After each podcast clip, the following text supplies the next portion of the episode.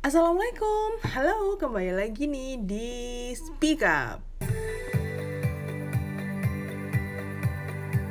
Let's speak up, let's speak up. Hai Bun, ketemu lagi. Uta Chandra di sini. Bagaimana kabarnya di bulan Januari 2022? Awal tahun.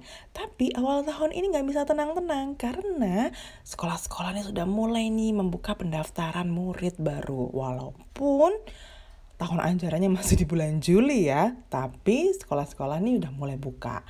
Nah, gimana nih buat bunda semua yang putra-putrinya sudah masuk usia sekolah? Atau mungkin yang sudah masuk SD, yang udah mau masuk SD. Nah, yuk kira-kira bagaimana ya? Atau apa ya pertimbangan-pertimbangannya dalam memilih sekolah? Masih pusing? Atau udah osrak nih? Atau udah dapet nih sekolahnya? Dalam memilih sekolah anak, ada banyak hal yang harus dipertimbangkan orang tua. Selain masalah biaya, letak sekolah, juga kemampuan anak harus menjadi hal yang dipertimbangkan loh. Pakar psikologi Rosdiana Setianingrum mengatakan, anak nih tidak memiliki kewajiban untuk memenuhi mimpi orang tua yang belum terwujud. Jadi, memilih sekolah anak yang nggak boleh dong berdasarkan ambisi orang tua semata. Ambisi orang tua dalam menyolokalahkan anak bisa menghancurkan masa depan anak Gimana tuh? Nah, untuk itu di sini Bunda punya panduan memilih sekolah anak menurut psikolog. Nah, yuk kita intip apa aja sih hal pentingnya. Pertama, faktor dalam diri anak. Faktor dalam diri anak yang pertama adalah usia, apalagi kalau bukan usia. Setiap orang tua pasti ingin dong menyekolahkan anaknya di tempat yang terbaik, tapi memilih sekolah yang terbaik itu ya sering kali menempatkan orang tua itu pada dilema harus memilih sekolah yang mana, iya kan? Nah, orang tua nih disarankan untuk memilih sekolah yang ideal bagi anak-anaknya.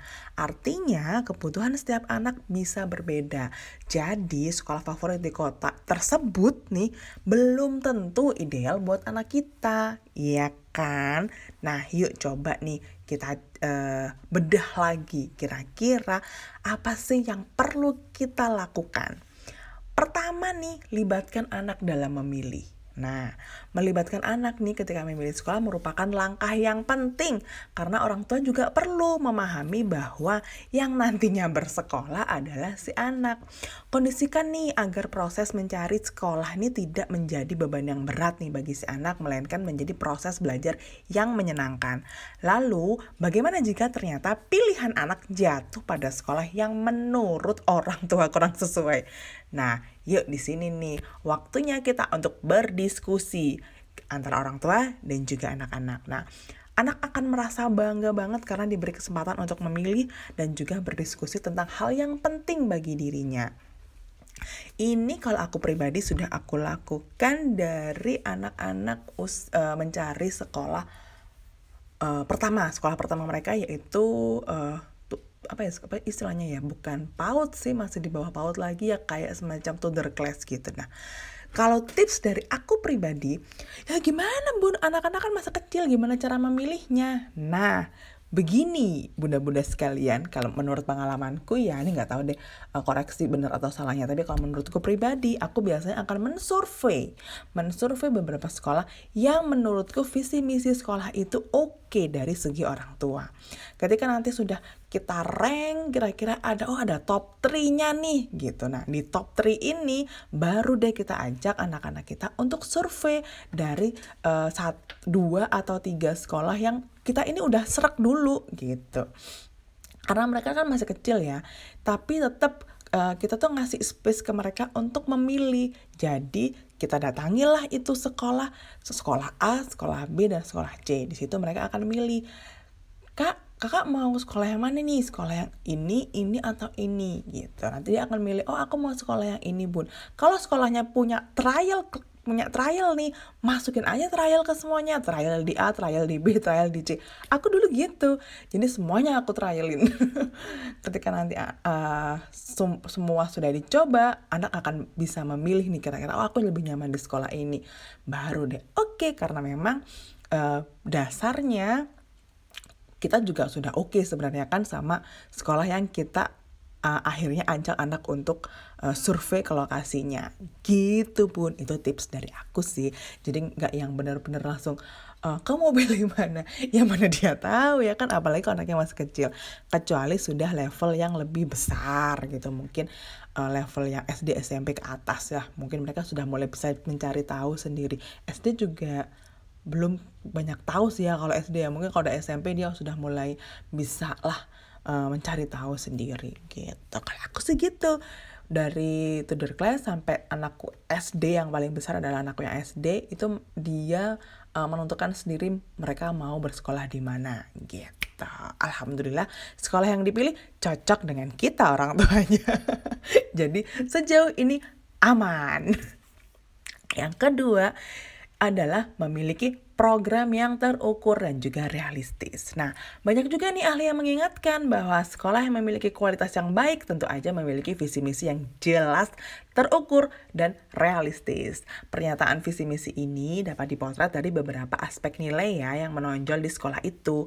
Antara lain nih seperti keagamaan, akademisnya, karakternya, perilaku, kecakapan hidup, kemandirian, dan juga kewirausahaan atau entrepreneurship yang ada atau yang diajarkan di sekolah tersebut gitu.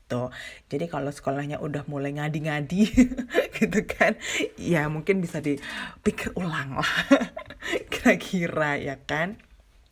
Kemudian uh, langkah berikutnya nih yang perlu kita ketahui adalah tidak hanya prestasi akademis. Nah, ini nih jadi nggak sedikit nih orang tua nih yang saat ini masih memandang bahwa aspek akademis menjadi pertimbangan pertama dalam memilih sekolah. Iya nggak? Iya nggak? Iya. Udah jujur aja. nah, jadi nggak heran dong kalau banyak orang tua yang masih rela melakukan apa aja untuk mendapatkan sekolah dengan prestasi akademik yang tinggi.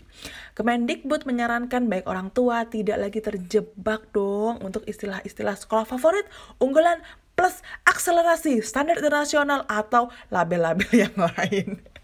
Yang kayaknya wow wow wow gitu. Padahal belum tentu anak kita cocok dengan sekolah-sekolah tersebut. Karena kembali lagi setiap anak itu berbeda setiap anak itu unik dan setiap anak tuh punya ketertarikan atau mungkin punya uh, bakatnya masing-masing yang perlu digali lagi gitu. Nah, sekolah yang baik adalah sekolah yang mampu menggali, menemukan, mengembangkan, dan juga mengoptimalkan seluruh potensi atau kecerdasan majemuk peserta didiknya. Gak hanya pada aspek kognitif aja gitu loh.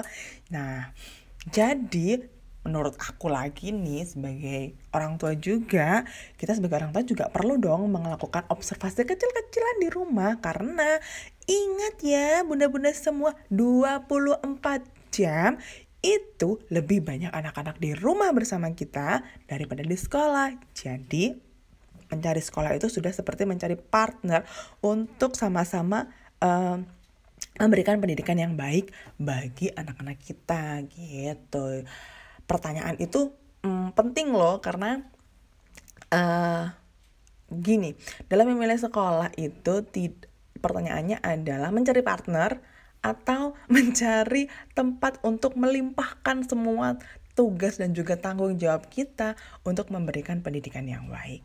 Nah, kira-kira Bunda semua termasuk yang mana nih? Yang melimpahkan tugas atau yang mencari partner buat mendorong anak ini menjadi lebih unggul lagi di potensinya. Yo, ding ding ding. yuk diresapi lagi yuk. Wah, semakin berat nih. Enggak, santai aja. Selanjutnya nih, yang perlu kita perhatikan juga dalam memilih sekolah adalah peran guru. Karena kurikulum yang ideal ada itu penting, tapi yang lebih penting adalah yang menjalankannya, yaitu siapa lagi dong kalau di sekolah? Guru. Karena guru adalah ujung tombak dari pendidikan untuk mencetak dan juga mengkader generasi penerus yang didambakan. Artinya nih, kurikulum yang ideal juga eh kurikulum yang ideal jika tidak didukung oleh pelaksananya yaitu sumber daya manusianya ya yang cakap ya nggak heran dong kalau pemerintah ini terus menerus berusaha meningkatkan kompetensi guru melalui berbagai macam program. Nah antara lain seperti penataran beasiswa pendidikan atau program-program sertifikasi guru lainnya. Jadi pilihlah sekolah dengan guru-guru yang mempesona. Yang mempesona bukan dari segi fisik ya tapi dari cara pengajarannya dan juga menginspirasi. Jadi nggak cuma tampilan fisiknya aja dong, tetapi dari tutur katanya, sikapnya, perilakunya yang bisa menciptakan suasana pembelajaran itu menjadi menyenangkan dan juga efektif. Apalagi sekarang tuh kayaknya sekolah-sekolah udah mulai punya akun-akun Instagram gitu kan, akun-akun sosmed yang banyak yang apa ya? Yang memberikan informasi lebih tentang sekolah itu termasuk metode-metode cara-cara mengajar gurunya gitu loh supaya uh, orang tua bisa tahu nih di sekolah itu seperti apa sih gurunya dalam mengajar gitu kan. Nah kita mungkin bisa lebih kepo kepo lagi tentang sekolahan yang udah kita incer gitu kan. Wah mulai cocok nih sama sekolah ini nah kepo terus kepo terus cari testimoni-testimoni dari alumni sekolah itu. Aku biasa gitu nih cari alum uh, kira-kira siapa ya yang pernah sekolah di sekolah itu mulai deh cari testimoni alumni karena biasanya testimoni itu lebih lebih jujur ya testimoni alumni itu lebih jujur gitu. Karena mereka memang kan pernah sekolah di situ gitu. Jadi mereka sudah tahu lah gitu paling tidak secara garis besarnya seperti apa. Tentang guru-guru yang ada di situ atau mungkin tentang atmosfer atau mungkin tentang uh, kondisi sekolahnya gitu. Apalagi yang penting yang perlu diperhatikan? Ya kurikulum orang tua nih dan juga uh, calon siswanya ya disarankan untuk benar-benar jeli dan teliti nih dalam memilih sekolah terutama pertimbangan dari segi kurikulum yang diterapkan di sekolah tersebut. Kegiatan-kegiatan ekstrakurikuler yang diselenggarakan di sekolah juga perlu loh dicermati. Dalam konteks apa sih kegiatan tersebut dapat dioptimalkan? Hmm, dapat mengoptimalkan bakat minatnya anak-anak kita. Walaupun nih penerapan kurikulum ini sudah diatur ya dan juga sudah diseragamkan kan oleh pemerintah, tapi penyelenggara pendidikan ini dapat loh melakukan modifikasi-modifikasi yang disesuaikan dengan kondisi sekolah gitu dan juga lingkungan dan kebutuhan masyarakat di sekitarnya. Nah, masa pandemi gini orang tua juga bisa nih menilai apakah sekolah tersebut mampu memenuhi kebutuhan anak di luar akademis meski pembelajarannya nih dilakukan online walaupun kayaknya sekarang udah mulai uh, full tatap muka ya walaupun muridnya nggak full masuk juga belum semua full masuk. Kayak sekolah anakku tuh masih bener full tatap muka itu dalam artian dari Senin sampai Jumat full masuknya. Cuman e, dibagi menjadi dua sesi pagi siang gitu. Jadi ketemunya ketemu sama setengah teman kelasnya jadi anakku nih belum kenal dari semua anak kelasnya. Dan cuma kenal anak dari nomor absen 15 sampai 28 setengah kelasnya doang. Yang absen di atas yang absen kecil nggak kenal saya karena dia uh, beda sesi gitu. Nah ini nih bisa juga dilakukan. Kira-kira uh, sekolah ini itu sudah bisa nggak untuk memenuhi kebutuhan beraktivitas fisik misalkan. Kebutuhan untuk mengkonsumsi makanan yang sehat kebutuhan untuk membentuk karakter yang baik dan juga kebutuhan-kebutuhan yang mendukung uh, tentang pembelajaran atau kegiatan belajar mengajar di sekolah tersebut. Banyak ya yang harus diteliti ya. Yang nggak kalah pentingnya adalah lokasi bunda-bunda sekalian. Karena kita adalah bunda-bunda yang antar jemput anak ke lokasi menjadi salah satu pertimbangan yang penting. Betul, apalagi kalau anaknya lebih dari satu atau uh, bundanya bekerja. Nah, penting banget nih lokasi kantor sama lokasi sekolah anak ini jangan jauh-jauh banget. Atau uh, lokasi sekolah anak satu dan anak dua juga paling tidak sejalan lah jangan muter-muter gitu kan. Karena meski perkembangan pembelajaran ini masih banyak yang dilakukan secara daring juga pertimbangan lokasi tetap menjadi pertimbangan yang penting. Ya kan jangan sampai energi kita terbuang di jalan apalagi energinya anak-anak kasihan banget mereka udah capek sekolah capek di jalan gitu kan. Apalagi yang masuknya harus pagi pagi-pagi udah berangkat gitu kan untuk menghindari macet. Jauh masih juga pulangnya jauh capek kasihan anaknya kalau memang bisa memungkinkan uh, mendapatkan sekolah yang tidak terlalu jauh dengan ru rumah alhamdulillah tapi kalau memang harus yang agak jauh semoga uh, bisa disiasati lah begitu Iya, semangat untuk bunda-bunda antar jemput anak. Mau dilanjut? Lanjut. Pertimbangan berikutnya yang pasti ini juga penting dan pasti akan kita selalu pikirkan adalah pertimbangan mengenai pendidikan agama. Betul? Betul, karena melalui pendidikan agama yang cukup nih diharapkan ya untuk peserta didik juga akan memiliki kesadaran dan juga pemahaman yang benar untuk uh, tugas-tugasnya, peran dan juga tanggung jawabnya sebagai uh, apa ya? sebagai manusia atau sebagai hamba Allah atau sebagai hamba Tuhan sebagai anak juga, sebagai siswa juga, sebagai anggota masyarakat untuk lebih luasnya. Nah, dalam implementasinya, anak juga mampu dong menghargai orang lain dengan segala perbedaan, serta mampu juga memilah dan memilih kegiatan-kegiatan mana nih yang bermanfaat dan enggak bermanfaat. Sehingga porsi pendidikan agama yang diterapkan oleh suatu sekolah menjadi bahan pertimbangan yang sangat penting untuk orang tua dan juga anak dalam memilih sekolah. Karena ada beberapa orang tua yang mungkin lebih memilih ke sekolah yang berdasar agama gitu kan. Daripada sekolah umum atau sekolah uh, negeri. Kalau negeri kan umum ya atau sekolah swasta yang umum juga. Ah aku maunya masuk ke sekolah yang ber uh, apa namanya sekolah muslim misalkan. Oke okay, gitu. Karena memang ada orang tua ada beberapa orang tua yang lebih prefer ke sana gitu. Nah ini juga terakhir yang biasanya uh, kita nggak uh, ketinggalan untuk tetap diteliti dengan jeli adalah fasilitas atau sarana dan juga prasarana sekolah. Sekolah tuh diibaratkan kayak rumah kedua ya buat anak-anak ya. Jadi sekolah uh, ya yang sekolah yang baik pasti harus yang mampu memenuhi kebutuhan-kebutuhan siswanya. Sehingga untuk komponen-komponen pendidikan ini nggak kalah penting nih sarana dan prasarana yang mendukung mulai dari bangunan fisik, ruang kelas, taman, perpustakaan, laboratorium, terus apa lagi ya? Sarana olahraga, kesenian, arena bermain, kantin, perlengkapan sekolah, koperasi, atau mungkin alat peraga. Nah, itu semua Diharapkan uh, kita memilih sekolah memiliki sarana dan prasarana yang cukup lengkap yang bisa mendukung proses belajar mengajar di sekolah. Gitu. Banyak ya faktornya yang harus kita teliti lagi ya. Atau mungkin yang ngebantu juga cek-cek juga Google review sekolahnya. Kalau misalkan waduh aku nggak punya temen yang ada di sekolah itu mungkin bisa cek-cek Google reviewnya gitu. Sekarang banyak kok uh, akses yang bisa kita kejar melalui melalui sosial media gitu yang bisa kita gali lagi tentang sekolah mana sekolah mana yang udah kita tuju. Tapi kembali lagi mungkin bisa didiskusikan dengan anak kita kira-kira bagaimana? Apakah dia cocok sama sekolahnya? Atau mungkin yang jenjangnya udah kuliah cocok nggak sama jurusannya? Ini aku mau cerita sedikit nih kebetulan baru aja kejadian. Mumpung temanya uh, pas nih. Jadi uh, beberapa hari yang lalu itu ada kerabat yang apa ya sharing lah ke kita bahwa anaknya ini tuh sudah berapa tahun ya? 10 tahunan. 10 tahunan belum lulus kuliahnya. 10 tahun loh. 10 tahun bukan 10 semester ya. 10 tahun.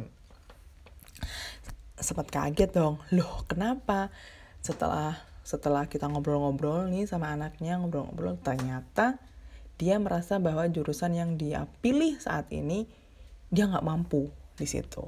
Sedangkan orang tuanya um, itu adalah jurusan pilihan orang tuanya pada semester 2 dia sudah mencoba untuk diskusi sama orang tuanya pindah jurusan tapi orang tuanya tetap kekeh. Anak ini harus di jurusan tersebut padahal dia sudah give up give up udah nggak sanggup di jurusan itu. Nah ini contoh nyata salah satu contoh nyata menurutku bahwa ya itulah ambisi orang tua kadang bisa menghancurkan anaknya gitu loh. Ambisi orang tua bahwa anak ini anak ini harus bisa lulus dengan uh, titel sarjana itu uh, si jurusan itu tapi anak ini secara akademisnya dia merasa tidak mampu. Dia sudah mencoba tapi dia tidak mampu. Akhirnya sampai 10 tahun dia nggak lulus lulus dan ternyata uh, waktu suamiku minta dia untuk ngecek lagi ke kampusnya apakah posisinya dia itu masih uh, menjadi mahasiswa di sana, apakah sudah DO, dan ternyata dia dari DO. Bayangin dong, coba kalau waktu semester 2 itu orang tuanya mau legowo, mau mendengarkan anaknya, mempertimbangkan untuk pindah jurusan yang sesuai dengan potensi anaknya, sesuai dengan minat anaknya. Mungkin anaknya sekarang udah kerja loh, 10 tahun. 10 tahun itu waktu yang cukup lama yang terbuang menurutku. Nah, nggak mau dong kayak gitu. Nah, sekarang yuk bunda-bunda semua mulai yuk pelan-pelan kita dengerin yuk kira-kira anak kita tuh pengennya sekolah yang kayak apa sih? Mungkin pengen ditanya dulu. Kalau mungkin yang masih kecil gitu atau mungkin levelnya masih TK gitu.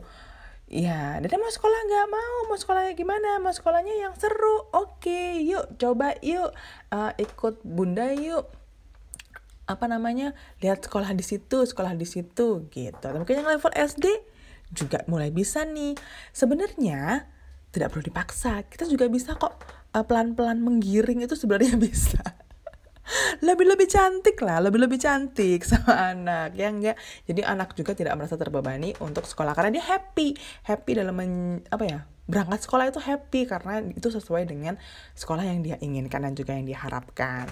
Nah, yuk mumpung nih masih dalam bulan-bulan uh, pendaftaran boleh dong sharing-sharing informasi pendaftaran murid baru di beberapa sekolah. Mungkin bunda-bunda semua udah survei.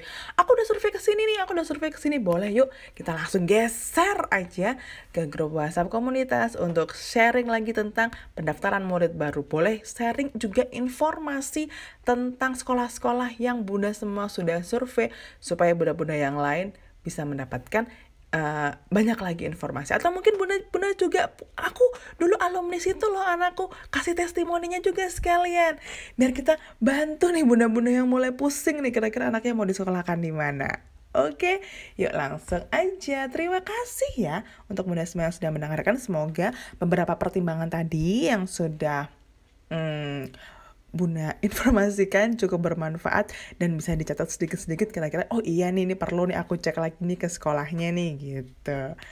Terima kasih sekali lagi sampai jumpa di podcast selanjutnya. Assalamualaikum warahmatullahi wabarakatuh. Let's speak up, let's speak